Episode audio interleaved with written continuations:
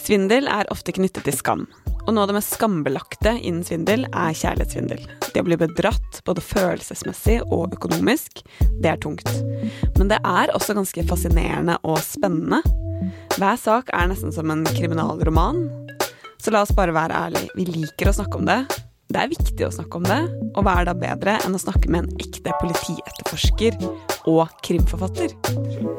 Velkommen til Svindelpodden med meg, svindelekspert Ida, og nesten-ekspert Tore.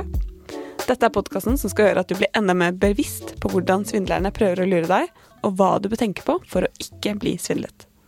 Dagens gjest er jurist. Hun har jobbet 25 år i politiet, 20 av de som leder. Hun har vært en del av ekspertpanelet i Åsted Norge, og er i dag en av Norges mestselgende kriminalforfattere. I fjor ga hun ut boken 'Kjærlighetssvindel'. Velkommen, Anne Kristin Rode. Tusen takk. Utrolig hyggelig å ha deg her. Mm. Takk. Dette har vi gledet oss til. Ja. Hva, Tore? Ja, ja herregud. Kjempemasse. Alltid vært litt uh, redd for krimforfattere. I og med at du tenker, liksom på, du tenker på drap og, og sånne ting uh, egentlig hele tiden, vil jeg tro. Og så har jeg alltid vært litt nervøs for politi. For jeg, jeg bare ser for meg at jeg kommer til å ha et ublidt møte med, med med, de, eller med dere på en eller annen måte. Det er ganske morsomt, ja. fordi erfaringen ja. viser jo at uh, litt kanskje tabloid sagt, da, men det er mm. utrolig mange som ljuger for politiet. Enda ja. de har fullstendig rent mel i posen. Ja, så da det klikker inn en sånn alarmknapp, tror jeg i ryggraden på veldig mange, som bare tenker at her er det bare om å gjøre å fremstille seg som ja, klar for Sankt Peter, på en måte. Sånn fullstendig blank CV og bare gull og glitter. Og enda det er ingenting som er farlig for personen. Jeg har aldri vært uh, i noen trøbbel, altså. Må jeg bare si det. Men jeg, bare, jeg er jo med en gang Begynner han, ikke sant? Ja, ja. ja ikke sant? Men ok, men uh, Men jeg lover at jeg ikke skal legge inn deg som et offer i en drapssak, da. I boka, vel å merke. Hvis du hadde gjort det, så hadde det også vært gøy. Ja, du hadde likt det, ja. ja. hvis det var ja, han, ja, den høye, en litt uh, nervøs uh, podkast-fyren blir drept i første Rett på første side. Uh, ok, men, men, du, vi, uh, vi falt jo uh, umiddelbart for, for denne tittelen. Det må, må være så ærlig å si det. Med en gang vi ser noe som heter kjærlighetssvindel, så blir vi ganske gira. og det er litt sånn at vi har lest denne boka kanskje ikke så mye for å finne ut et mysterium, som bare var ekstremt fascinert over, uh, over hvor har du hentet inspirasjon fra, uh, hvilke arbeid har du, du gjort da, i, i sånn forkant. Uh, og så er det jo um, ja, så kom man ikke utenom at det var også en veldig spennende bok, må sies. Mm, for det er jo liksom to historier her som flettes ja. sammen. Mm. men hvordan fikk du inspirasjon til å skrive boken? Eller hvordan kom du på at nå vil jeg skrive en bok om kjærlighetssvindel, som har det som tema? Det kom på direkten på Åsted Norge. Ja, ikke sant? Faktisk. Og det gikk i flere etapper. Ehm, vi hadde med ca. et års mellomrom, mener jeg det var, to personer eh, presentert i innslag i programmet. Mm som hver seg var blitt kjærlighetssvindlet. Vi brukte jo ikke det ordet den gang, det var et ord jeg kom på underveis i manus. Eh, men den første vi hadde, det var en kvinne på et par og åtti. Og da var det vel datteren som hadde skrevet til oss som ba om hjelp, og hun var jo da svindlet på Facebook, hvor det da var en tilsynelatende ganske lekker eh, konfekt av en marineoffiser, ja. som jo da kontakter henne og har falt hodestups for henne og bedyrer sin kjærlighet. Eh, og hun øste ut penger og ja, pantsetter hus, og det er veldig drastisk, og blir jo veldig avhengig av denne kjærligheten. Som hun får utelukkende på Messenger, da, eller hvor mm. nå enn de valgte å fortsette. Ja. Det husker jeg ikke detaljer. Og så, um, da den saken var ferdig i vårt program den sesongen, så begynte det å komme brev til redaksjonen i Åsted Norge, og jeg var ikke en del av den eh, redaksjonen. Um, og da var det en kvinne som bor i Bergen, som skrev at hun hadde utbetalt 12 millioner kroner til en hun hadde truffet på nettet. 12 millioner, ja. 12 millioner. Mm. Og så spurte vi Ja, ikke sant, det er sånn Det er nesten litt uvirkelig. Ja, det er det. Um, og så spør vi om hun er interessert eller har lyst til å delta i programmet. Og hun burde jo vært kåret til årets eller tiårets modigste kvinne. Mm. Um, hun var, eh, var hun hjernekirurg? Vet du hva, Nå skal jeg være litt forsiktig med å si tittelen, men hun har en høy utdannelse og en enorm kompetanse. Veldig verdsatt. Um, hun foreleste, foreleser sikkert ennå, og kommer da i den situasjonen at hun uh, blir sjekka opp, da. Mm. Av en såkalt kyprioter. Hvem han var, vet vi jo ikke. Uh, og det var så sterkt å møte henne. Hun kom i studio, um, og jeg kjente sånn umiddelbart på en utrolig ydmykhet i forhold til at hun i det hele tatt møtte. At hun mm. i det hele tatt uh, våget å fortelle sin historie. Og om det var rett før eller rett etter programmet går på lufta, så står hun jo foran et hav av studenter og forteller uh, hva hun har gjort. Um, og det står det så mye respekt av. Og så snakket jeg med henne etterpå. Jeg takket henne, og hun takket meg. Eh, jeg husker jeg hadde, Det er jo veldig intenst å stå på Åsted Norge. Det er jo ikke mange sekunder du har hvor du skal egentlig si alt du har lyst til å si. Og alt jeg hadde på lappen, altså to-tre setninger, det bare jeg, jeg, greide ikke engang å feste blikket, for jeg bare så på henne. Og så sa jeg et eller annet som hun sa reddet hennes liv. Um, ikke helt bokstavelig, men altså gjorde henne veldig godt, da. Mm. Um, og jeg måtte jo gå tilbake og høre, for jeg visste ikke hva jeg hadde sagt. men så skjer det, da. Dette blir jo et langt svar, selvsagt, men um, at jeg tenker dette her må jeg greie å skrive en bok om. Um, og så skriver jeg jo krim, da. Og så tenkte jeg det å sitte og gjengi 300 km med SMS-er, det, det, er jo ikke noe gøy. Nei. Så hvordan skal jeg greie å få til dette? Og så kontaktet jeg henne, og så sa jeg jeg har veldig lyst til å skrive en krim basert på din historie, men som ikke er din historie. Som, og da hadde jeg begynt å få dette ordet kjærlighetssvindel. For jeg, husker, jeg tror jeg brukte på direkten også uttrykk innbrudd i følelseslivet. Mm. Um, for å hekte det på et politispråk. Ja. Eh, ikke bare kalle det svindel, men det er faktisk et innbrudd i følelseslivet. Det er noen som bryter seg inn i deg. Og trinn én er jo at du faktisk Altså at disse meldingene, eh, I love you, you're the most beautiful, osv., osv., de blir sånn uh, dop. Eh, sånn at du blir avhengig av sånne brukerdoser gjennom hele dagen. Du blir helt hekta, du må ha det. Så det er så stygt. Det er så utrolig stygt. Eh, bare den Og den måten Jeg fikk jo innsyn i alle meldingene mellom henne og denne Og dette var på sosiale medier eller en datingside? Det var Messenger. Eh, Messenger. ja, eh, jeg tror hun hadde vært på den Elite Singles, som jeg også brukte i boka. Ja. Og så er det vel ikke viktig akkurat her og nå om hun var på Messenger eller fortsatte på Elitesingles, men de hadde iallfall veldig regelmessig kontakt. Ja. Eh, og hun fortalte jo selv hvor avhengig hun ble av å få disse kjærlighetserklæringene. ikke sant? Og så Plutselig så hører du ikke fra dem på tre dager eller fire eller fem dager eller en uke, og så er det nei, skjønner jeg har mistet mobilen. Og da er du mer enn villig til å betale en ny mobil, og da er du i gang, ikke sant. Og så er du mer enn villig til å betale flybilletten til den stakkaren som da plutselig har måttet redde moren sin eller fetteren sin eller har gått konkurs. Det er bare helt utrolig eh, oppfinnsomhet i forhold til excuses. Um, og så falt jo hun også i den fella. Og så kunne jeg lese Jeg leste jo absolutt ikke alt, eh, men jeg så jo også hvor fort de gikk inn i den veldig profesjonelle manipuleringen. Du er ikke den jeg trodde du var. Vil du nekte meg dette? Ja. Og så får du jo helt panikk, fordi da ryker jo kjærligheten hvis jeg nekter ham eller henne dette. Det er jo stort sett kvinne, en mann som sjekker opp en kvinne, tror jeg, hittil. Um, og da er du i garnet. Og så er det til slutt ingen grenser for hva du ønsker å gjøre for å beholde den kjærligheten til den som aldri kommer, som avlyser igjen og igjen og igjen. Så jeg ble veldig sjokkert over det utspekulerte i svindelen. Hvordan de ja, Den beste måten jeg kan si det på, er rett og slett eh, dette med at de bryter seg inn i hele deg. De legger seg inn på cellenivå, og de manipulerer deg. Eh, og du er helt avhengig. Du er rett og slett like avhengig som av alkohol mm. eller annet dop. Mm. Og så har jeg tenkt i mitt stille sinn at hvordan kan dette skje? Fordi den, en veldig vanlig reaksjon ute er at herlighet, så dum ville aldri ha jeg vært. Men det har jeg sluttet å si. Ja. Fordi her er vi langt forbi den vanlige enfoldigheten. Eh, det er et eller annet de gjør som ikke jeg har ord på, eh, som gjør at jeg tror hver og en av oss kan bli offer for denne type svindel. Og det er viktig å ta inn over seg.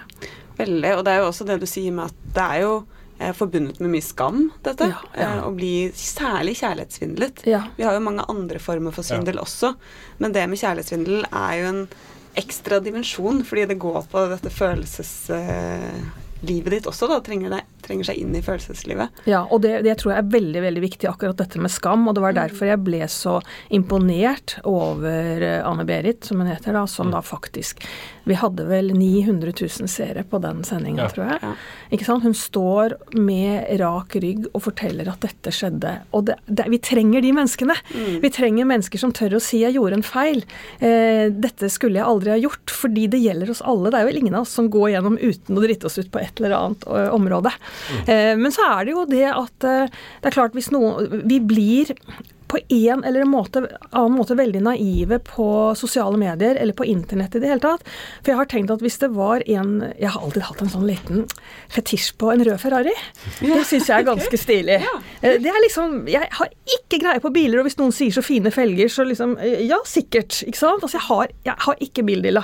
Men ser jeg en rød Ferrari, da snur jeg meg. Ikke sant? At det er min greie. Ja.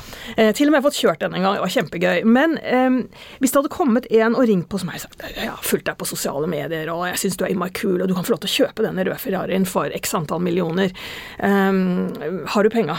Ja, ja, ikke sant? Og så hadde jeg da tilfeldigvis hatt det liggende i lommepenger, da. Ikke sant? Eller overfor, fått et kontonummer og overføre, så jeg kommer igjen i morgen, vet du. Skal bare vaske den for deg, så du får helt ren bil.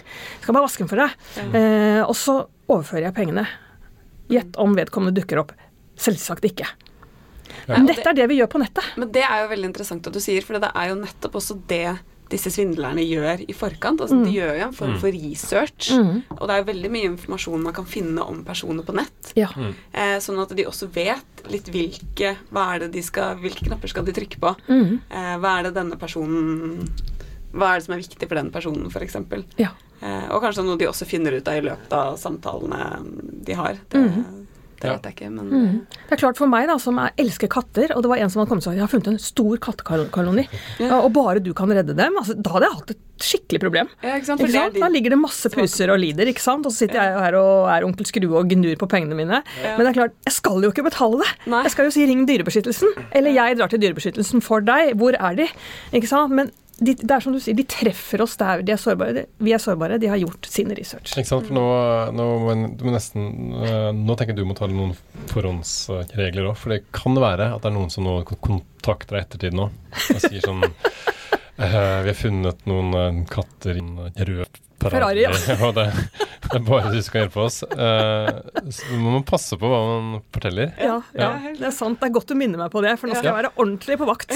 Ja. Det kan skje alle, og du var jo inne på også et veldig sentralt punkt, dette med tid. Mm. Eh, og i det, når noe plutselig haster mer enn det er rimelig at det haster, så er det all grunn til å sette på bremsene, Mm. trekke i nødbremsen og så se hva som skjer. Eh, og det er klart at det jeg også oppdaget ved gjennomgang eh, og researchen til boken, det var jo Eh, Anne-Berit hadde jo fått tilsendt eh, mengder av dokumentasjon. Hun var jo en kvinne som var vant til å lese dokumenter.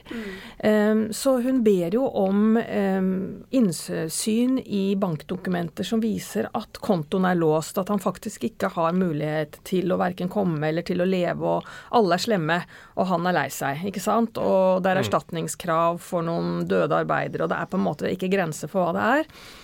Eh, men her ligger jo en veldig stor felle som, vi, som er veldig viktig at eh, hvermannsen, vi alle er klar over, fordi at du mottar da en mail med x antall dokumenter. Det kan være dokumenter fra banken, fra ja, you name it. Eh, og eh, da står det jo Da er det en underskrift, og det er som regel en riktig logo. Hvis du da søker på internett på den Geobank, som jeg tror det var den hun hadde, som jeg også bruker i boka mi, da, det er gøy å legge det litt tett opp til, mm. så er det jo den samme logoen.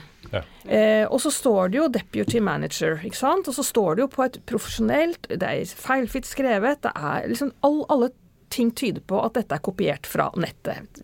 Eller at man har hatt noen sånne dokumenter selv. Men det folk gjør da, eh, som er veldig lett å gjøre, det er jo da å eh, pick up the phone, det, og, så, og, og så ringer de ned nummeret som står på det brevarket du har fått på mailen. Ja. Og, ring, og der sitter jo da svindelnettverket i andre enden og sier at dette er så, så hyggelig at de ringer, fru. Selvsagt. Det er helt naturlig at de eh, vil ønsker å sjekke ut om dette er sant. Og vi kan bekrefte at dette uføret Og vi er så takknemlige hvis du vil redde. Så vi må jo aldri stole på de dokumentene vi får fra de som ønsker å få oss til å utbetale noe. Vi må da gå inn på internett eller søke profesjonell hjelp hos tilsvarende offentlige eller private instanser i Norge som vi stoler på, som vi vet vi kan stole på. Så må vi se om telefonnummeret stemmer. Og så må vi ringe det vi har funnet selv, og spørre Mm. jobber det noen hos dere med dette navnet.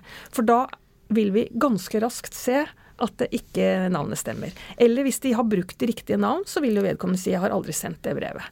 Så greier du, ikke sant. Så det er veldig fort gjort at vi stoler på igjen det vi får tilsendt på mailen fra de personene som ønsker å svindle oss. Og de har altså lagt opp et nettverk som er helt ubeskrivelig, sånn som jeg så i saken hennes, og som jeg da skriver om i Kjærlighetsliv. Mm. Ikke sant. Og det er et veldig godt tips, fordi mm. eh, vi ser jo også det i saker vi har hos oss, både på kjærlighetssvindel, men også på investeringssvindel, f.eks., mm. Eh, hvor ofrene da får tilsendt dokumentasjon, papirer, mm. fra de de da har hatt en samtale med over en lengre periode. Ja. Så det er jo et tillitsforhold allerede som er opprettet der. Ja. Eh, og, det er det, og den dokumentasjonen som du sier, er veldig proff. Ser Mm. veldig ekte ut. Mm. Man har kanskje brukt navn som er Altså som jobber i det selskapet Mhm. eh, på ekte. Mhm. Eh, men så er det jo da forfalsket. Så det å da faktisk gå inn på den siden eller søke råd Mhm. eh, hos den, ja, det firmaet eller Ja. hva det måtte være, da, den banken, på nett selv, det tror jeg er veldig lurt. Ja, det er den eneste veien til å få stanset seg selv. fordi da har du først blitt forelsket igjen, og så sitter du og snakker med enten en bank eller hva det nå måtte være, en finansiering av et eller annet slag, som da er, også er kjempeproffe på å elge seg innpå deg. Så du får på en måte også en relasjon til den personen som ringer og hører hvordan står det til, og vi vil bare, bare så gjerne hjelpe deg med alt, og at ikke du skal sitte med dette alene. Og så til slutt så blir det eh, nesten som å slå opp og si nei til den som ringer og ringer deg fra en såkalt bank. Det er som å slutte, bytte frisør. Det er jo mange som har en veldig sterk innvending mot både frisør. Jeg har jo gått der i fem år, liksom. Jeg kan jo ikke svikte. Ikke sant? Vi er jo mange som har få relasjoner til eh, også ganske perifere personer. Så, så det er så mange feller her. Ja. Mm. Men eh, i boken din også så får jeg i hvert fall inntrykk av at eh, den personen da i boken som Mm, er i Lillian, ja. Lillian, ja. Mm. Som er i dette kjærlighetssvindelforholdet, at det også har pågått en stund. Ja. Eh, var det også altså, tatt inspirasjon fra disse ekte sakene som du hadde sett? At Ja. dette pågår over en lengre periode? Ja. Eh, Det kan pågå ganske lenge, eh, men det, begynner, det tar nok ikke så lang tid, hvis jeg husker riktig. Jeg tror nok det går kanskje en måned eller litt mer før det første Altså før vi er manipulert inn til å ønske å kjøpe en ny mobil. Og det er veldig ofte, sånn som jeg har sett det, kan sikkert være andre ting også, men så er det ofte mobilen, for det er det som er bindeleddet. Det er der vi har kontakt, det er der vi får brukerdosen med kjærlighet. Og da begynner vi å betale ut den. Men det kan sikkert være andre ting også, om det da er PC-en eller noe annet. Eh, og, så, og da er du på kroken. Fordi at eh, du ønsker meg ikke vel, du er ikke den jeg trodde du var. Eh, jeg skal finne noen andre, jeg, siden ikke du gidder å bry deg om meg. Ikke sant? Og da er du stuck. Men eh, også uten at vi skal røpe for mye av det som skjer i boken, da. Eh, men vi kan jo kanskje si Kan vi si at når hun finner ut at hun blir svindlet, så ønsker hun ikke å tro på det? Ja, det kan vi si. Og det er jo også veldig typisk at eh, Lillian i boka, når hun faktisk oppdager eller blir gjort oppmerksom på at Ikke dette ikke er reelt, Ja. så går alle klaffene ned. For da er det omverdenen som ikke forstår hennes kjærlighet, som ikke unner henne å bli lykkelig, og da går alle forsvarsmekanismene inn, og hun fortsetter å ville betale ut. Eller som mange gjør i det virkelige liv, de fortsetter å betale ut til de må gå fra gård og grunn. Ja. Så da er det allerede kommet så langt at det er veldig vanskelig å komme ut av det. Mm. Mm.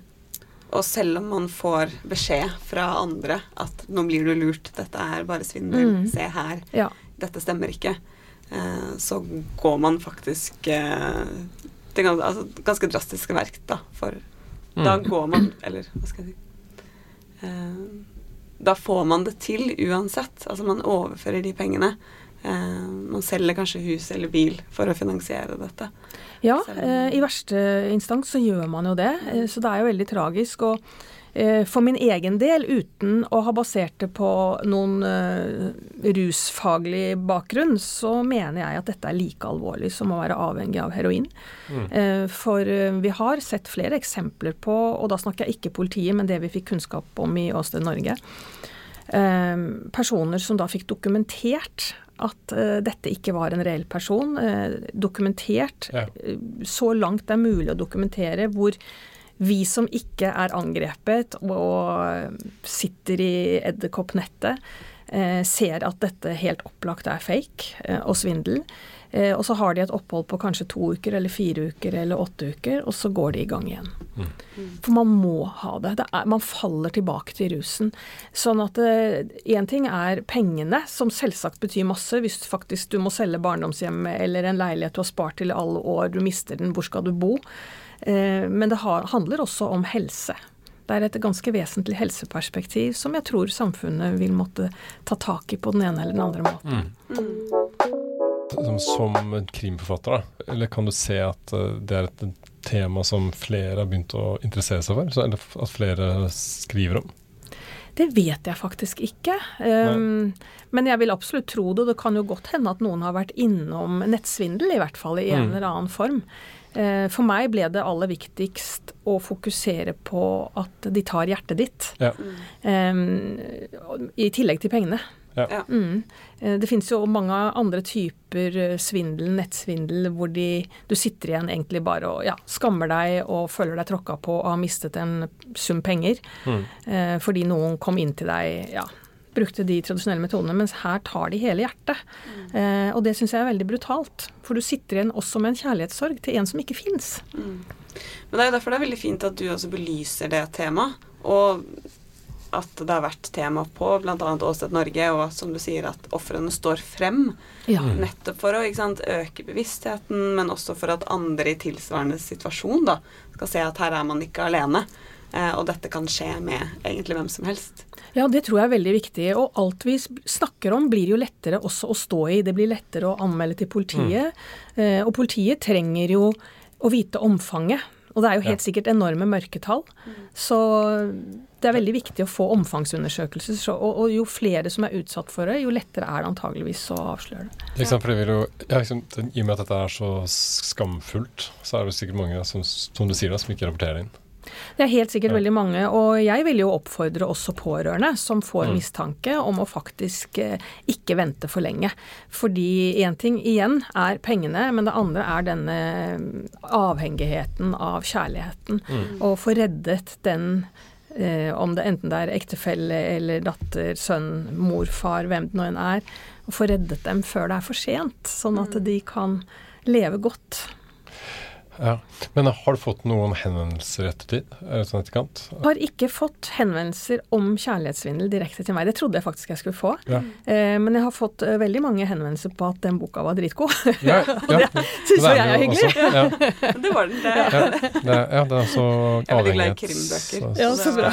Perfekt krim og svindel, altså. Mm. Ja, for det, og kjærlighet. Ja, for det, det, er veldig gøy. Ja. Uh, kanskje, ja, det er jo det er kjempemorsomt, for det treffer for deg som perfekt. Ja, den traff meg veldig. Ja. Den ja. Nei, men du har ikke hørt noe Det er ingen som har uh, kommet med noen sånne eksempler? Hør på dette her. Det har ikke vært noe av det? Nei, eh, det er ingen som har eh, kommet med sin historie. Det har jeg jo opplevd tidvis eh, mm. før, mm. Eh, knyttet til eh, bøkene mine. Men det, jeg tror det er veldig tabubelagt. Jeg mm. tror folk er veldig redd for å si hva det er for noe. Og jeg sa jo at den direkte foranledningen var eh, Åsted Norge. Mm. Men det var jo faktisk en til. Okay. Eh, fordi eh, da moren min fylte 90, og det er snart tre år siden, så ga jeg henne en tur til Risør i gave. Mm. Eh, fordi min mormor og oldemor og tippoldemor kommer fra Risør. Og hun mor har vært der til ja, hun var sånn åtte-ni år, og så Men i hvert fall så sa jeg har du lyst til å komme tilbake? Hun hadde ikke vært der siden hun var 16 eller noe sånt. Så tok vi en tur, da, og så hadde vi eh, omvisning sammen med noen andre i slekta med en historielos. Og han kunne alt. Det var så gøy, og vi lærte jo om Risør, om både grunnmurer og brannen og alt sammen. Og så går vi, så sier han du, er ikke du krimforfatter? Jo da, sier jeg, det er jeg jo. Se på det skiltet der, da, sier han. Og der er det et sånt vanlig sånn hvitt skilt med sorte, sort skrift, og så står det 'Knivstikkersmauet'. Ja. Uh, og så sier han bare 'er ikke det kult', eller? Og så går vi videre, og så kommer han tre meter opp og sier 'hei, hei, hva betyr det'? Og så forteller han jo at der skulle det jo vært drept antageligvis en prostituert for uh, flere hundre år siden. Uh, og så videre og så videre. Um, og da, da, kjente jeg jo at jeg måtte skrive den boka. Ja, det skjønner jeg. Ikke sant? For det er liksom I lille Risør, på et smug som ikke var større enn en meter med gresstuster og sti, ikke sant. Og ordentlig sånn hvor jeg så at det, går fint an å drepe noen inni der uten at folk ser det. Ikke sant. Så tenkte jeg dette må jeg bare utnytte. Så det ble jo da del to i, i altså den andre, selve drapshistorien i boka. Ja. Fordi, eh, som eh, jeg vel så vidt nevnte, så det å kjøre ut masse Messenger og kjærlighetssorg, det blir jo ikke noe krim av. Så jeg måtte jo drepe noen. Ja, Mm. ja for det, hvordan var det å skulle få inn som, altså kjærlighetssvindel i en krimbok? Det var er jo vanskelig. litt to historier som er uh, flettet sammen. Ja, det var veldig vanskelig. Så jeg jobbet litt med det. Så jeg skrev jo til For at det er klart, jeg gikk jo da primært en tur med min mor i tre og en halv time. Og fikk masse info om Risør og kom hjem og tenkte jeg må skrive den boka. Og da skrev jeg til han er det innafor å drepe noen på torget i Risør. og da svarte han at han hadde aldri trodd han skulle få et sånt spørsmål som historieloser i seg. Men da dro jeg ned igjen i oktober, og da satte han av tid, og så gikk vi rundt, og så sa jeg hvor jeg hadde tenkt at jeg må få drept noen, jeg må ha noen som bor her og der, og hvor Ja, og så videre. Det er det her jeg snakker om. Det er, det er akkurat det jeg snakker om. For du, du går rundt og tenker hvor er det jeg kan drepe folk i krise? Det er, det er jo ikke, det er ikke bra.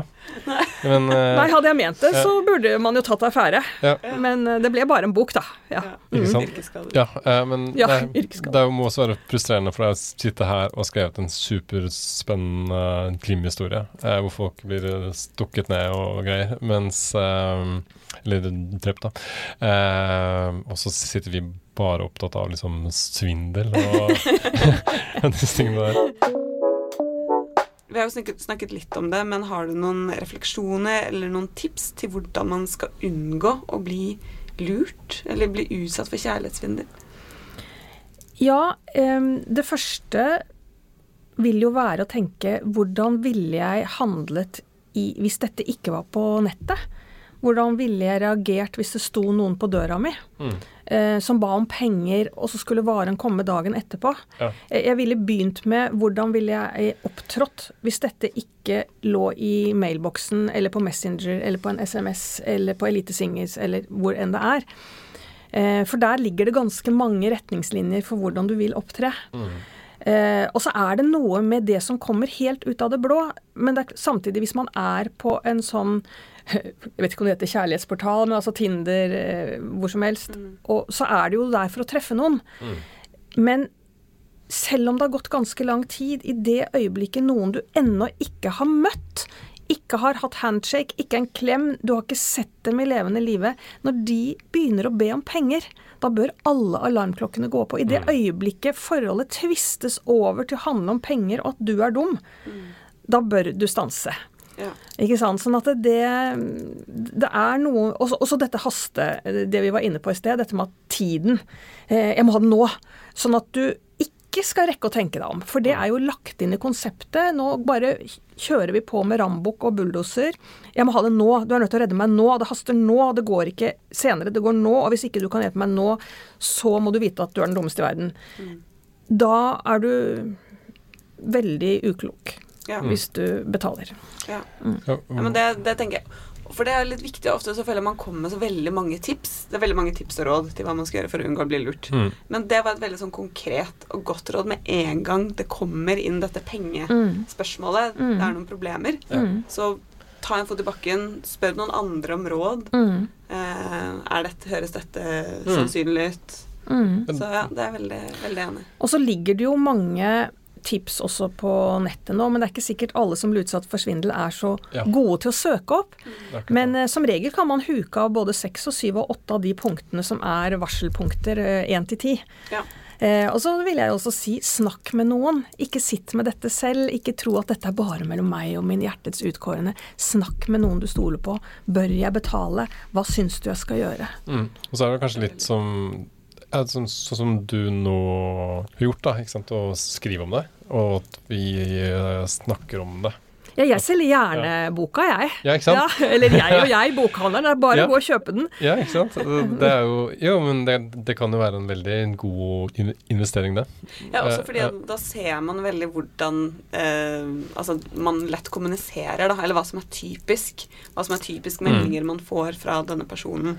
Hvilke problemer denne Ja. personen kommer i, Ja. eh, som du har snakket om. For det er jo da basert på korrespondanse som du har fått tilgang til. Ja. Ja. Eh, så jeg har jo brukt flere av eh, setningene inne, eh, men jeg har forsøkt å løsrive meg fra Ja. en reell historie, også av hensyn til personen bak. Ja.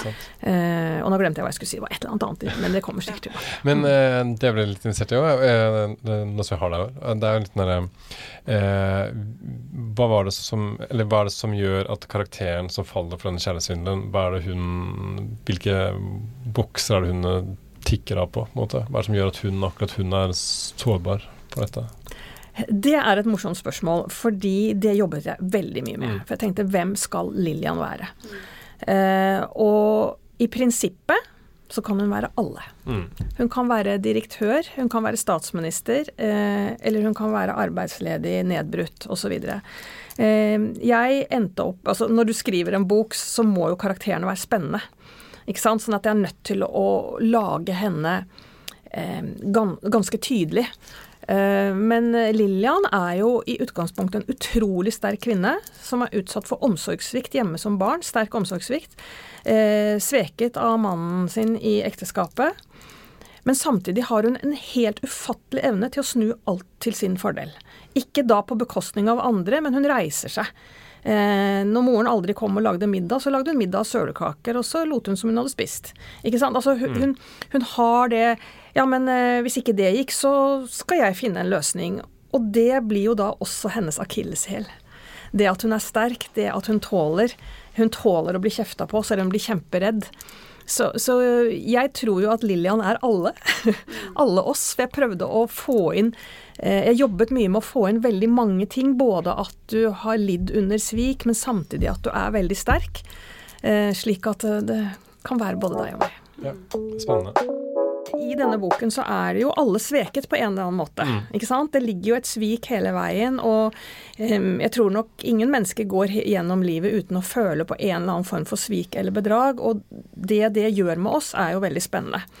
Eh, og så lever vi jo i en eh, verden nå hvor dette med krenkelse har jo fått en renessanse langt forbi min fatteevne.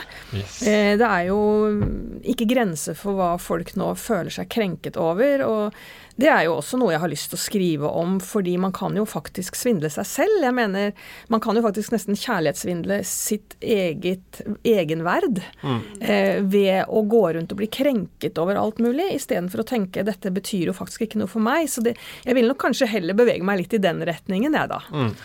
Men hvis det kommer en bok om svindel, så kan vi jo tenke at vi kanskje var litt inspirasjonen. Hvis det kommer at en podkastprogramleder blir drept, Da er det grunn til å ta en telefon til meg og høre hvem er vi. Eh, og det er klart, det blir jo sikkert litt uh, utenom programmet, men altså, da jeg skrev bok nummer to, som heter 'Bare et barn', det er kanskje den såreste tittelen, og så kommer 'Kjærlighetssvindel' på andreplass, eller sånn omtrent. Men der starter det jo med en pressekonferanse på politihuset, hvor Vilma Lind er til stede, og politiadvokaten, og så er det en i blant alle i pressekorpset som reiser seg, og så skyter politiadvokaten. Så skyter han en jurist. Ja, så det er jo liksom sånn pangstart eh, Ja. på den eh, krimboka.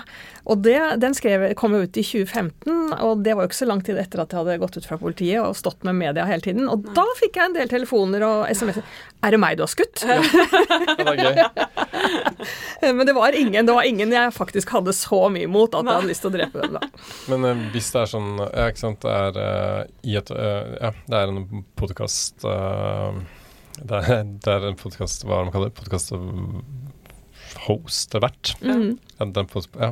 Ok, det er én som blir drept i en podkast. Eller la oss si at det er deg, det, da. Ja. Og så kommer du og, og, og etterforsker det. Og så sier jeg nei, nei, jeg vet ikke hva som har skjedd, det er ikke meg. Og så serverer jeg deg. Da, så, så jeg, jeg inviterer deg inn på, på liksom, som, eh, men jeg har Tilfeldigvis så har jeg stekt en, en, så har jeg stekt en deilig stek. Jeg har lyst til å komme inn og snakke litt om bøkene dine og sånn.